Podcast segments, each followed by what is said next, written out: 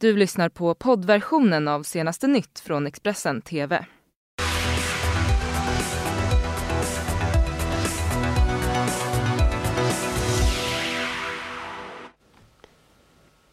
God morgon, Karin Wilov Orje heter jag. Det här är senaste nytt och eh, nu ska du få se morgonens rubriker. För första gången är stödet för SD och S lika stort bland LO-medlemmar.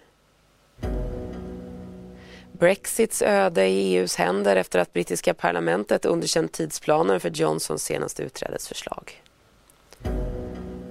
Och kurderna de stora förlorarna när Turkiet och Ryssland enats om norra Syriens framtid. Mm, det var våra huvudnyheter det, men först inrikesnyheter i korthet. En man vårdas på sjukhus i Malmö efter att en fyrverkeripjäs exploderat i hans hand i en lägenhet eh, i stan. Enligt Sydsvenskan krossades även en fönsterruta i samband med explosionen. Det finns inga uppgifter i nuläget om att skadorna han ådrog sig skulle vara allvarliga. Ja, stödet för Socialdemokraterna faller kraftigt bland LO-medlemmar. Och för första gången är Sverigedemokraterna nu i kapp i den för Socialdemokraterna så viktiga väljargruppen. Det visar en ny SIFO-undersökning. Det som i stor utsträckning förklarar Socialdemokraternas kraftiga tillbakagång sedan valet förra året är att även LO-kvinnorna nu överger partiet till förmån för SD. Stödet för Socialdemokraterna faller kraftigt bland LO-medlemmar och för första gången är SD nu i kapp i den för S så viktiga väljargruppen enligt siffror som Sifo sammanställt för Expressen. På marginalen är SD, som får 31 procent, till och med något större än Socialdemokraterna med 30,6 procent. Och de som framförallt lämnar S är LO-kvinnorna, där SD tidigare haft svårt att nå fram. Det här var någonting som man kunde i stor utsträckning lita på att de väljarna fanns och sen behövde man addera andra. Nu behöver man ju också vinna Eh, varje val också eh, LO-medlemmarna på ett helt nytt sätt. De nära banden mellan Socialdemokraterna och LO är enligt många en stor del av förklaringen till socialdemokratins historiskt mycket starka ställning i Sverige. Medlemmarna har i stor utsträckning utgjort basen som burit fram partiet och gett det regeringsmakten i val efter val under de senaste 90 åren. Man måste ju tillbaka och säga till, till paradgrenen för socialdemokratin. Det är ju vården, det är skolan, det är omsorgen, det är tryggheten, det är pensionerna. Det är det man måste fokusera på. 2010 låg stödet för S bland LO-medlemmar på över 60 procent. Men på de knappt tio år som gått har det stödet halverats. Och siffran 30,6 procent saknar motstycke historiskt. Det har skapat allt större nervositet i såväl LO-borgen som på Sveavägen 68 de senaste åren. För Socialdemokraterna är väljarflykten till SD ett direkt hot mot partiets ställning. Och för arbetarrörelsen så har den facklig-politiska samverkan varit en stor framgångsfaktor. Men sedan valet 2018 har det uppstått en diskussion i flera LO-förbund om rimligheten i att ge pengar till S och Kommunal meddelade tidigare i år att man helt drar in det direkta ekonomiska stödet till S. Det är också för en liten markering att vi gör jobbet själva. Är, vi måste ändå ha en, ett avstånd mellan oss och, och, och partiet. Men samverkan kommer att fortsätta men i nya former. Regeringen vill skärpa kraven för villkorlig frigivning efter två tredjedelar av strafftiden. Bara de som sköter sig och är beredda att delta i åtgärder för att minska risken för återfall ska kunna friges i förtid enligt ett nytt förslag som är en del av 34-punktsprogrammet mot gängbrottslighet som presenterades i september efter samtal eh, med andra partier. Det blev en tung delseger för premiärminister Boris Johnson igår när brittiska parlamentet för första gången röstade för lagtexten som möjliggör ett EU-utträde. Något som hans företrädare Theresa May misslyckades med hela tre gånger. Parlamentet godkände dock inte själva tidsplanen och Johnson har nu pausat lagpaketet och ska vända sig till EUs företrädare för att kunna ta nästa steg. Expressens utrikesredaktör Mats Larsson tror dock inte att Johnson lyckas hålla sitt löfte om en hård Brexit senast den 31 oktober. Men Boris Johnson har ju också lovat att Storbritannien ska lämna EU den 31 oktober. Så ser det nu inte ut att bli. Han har pausat lagstiftningsprocessen och inväntar nu besked från EU. Det beskedet blir med största sannolikhet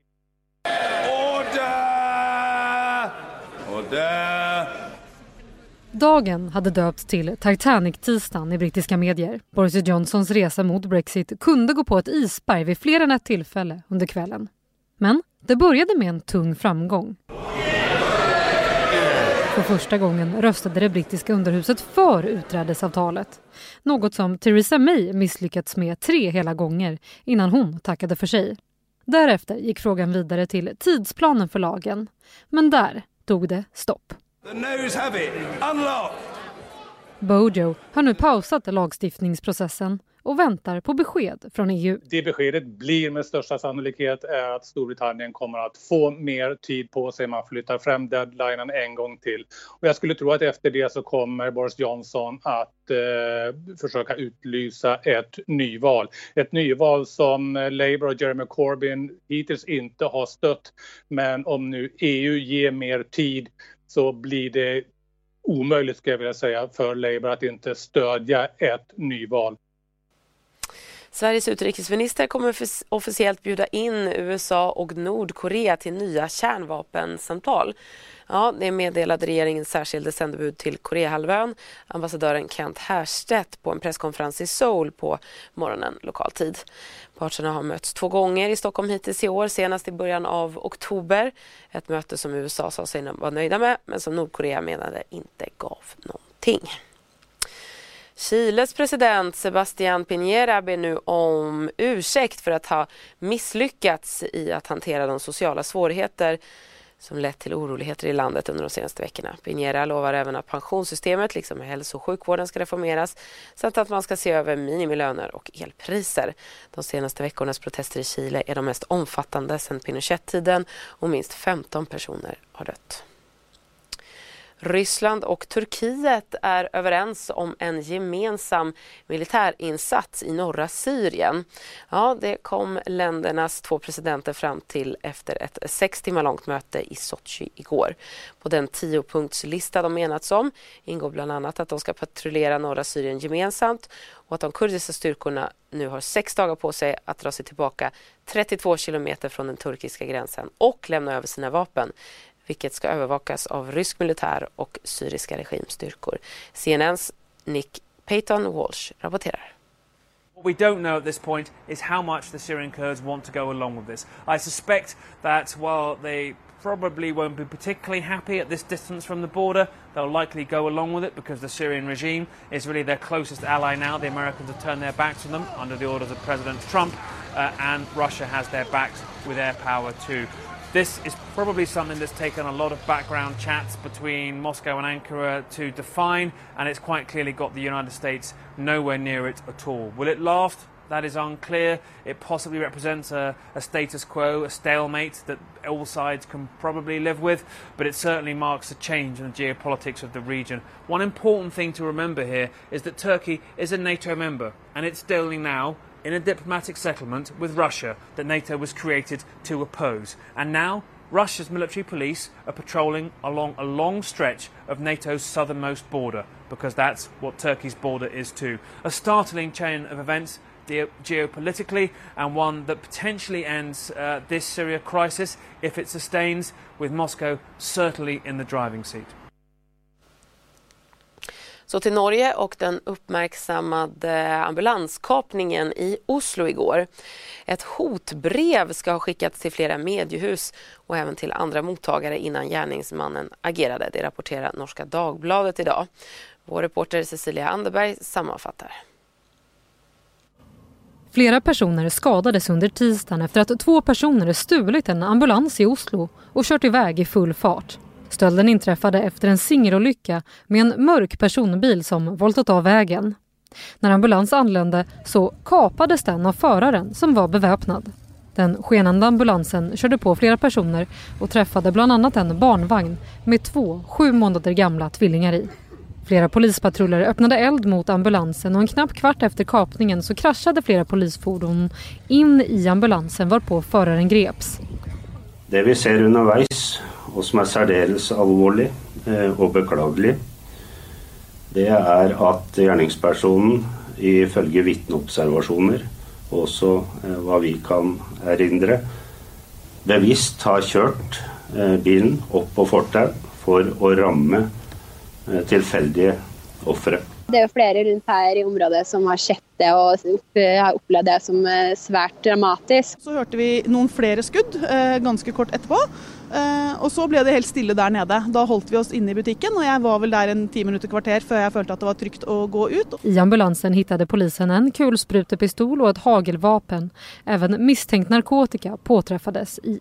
Den andra personen, en kvinna, greps senare under eftermiddagen i en butik. Båda är norska medborgare och har enligt polisen en relation. Mannen misstänks nu för dråpförsök och kvinnan för vapenbrott. Motivbilden är inte känd men polisen arbetar nu efter flera hypoteser.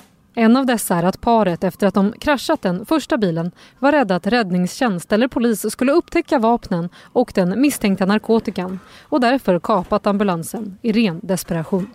De har varit eh, i en det har varit en trafikolycka här och att man inte har önskat på något eh, eh, varken politi eller någon till stede som, med tanke på hva de hadde med seg. Men uh, igjen, hva som er motivet, hva som er bakenforliggende, det er for tidlig å si. Mm, men det så ta en kort paus. Du har lyssnat på poddversionen av senaste nytt från Expressen TV. Tillförordnad ansvarig utgivare är Klas Granström. Poddtips från Podplay. I podden Något Kaiko garanterar östgötarna Brutti och jag, Davva, dig en stor dos skratt. Där följer jag pladask för köttätandet igen. Man är lite som en jävla vampyr. Man har fått lite blodsmak och då måste man ha mer. Udda spaningar, fängslande anekdoter och en och annan arg rant. Jag måste ha mitt kaffe på morgonen för annars är jag ingen trevlig människa. Då är du ingen trevlig människa, punkt. Något Kaiko, hör du på Podplay. Därför är gardinerna.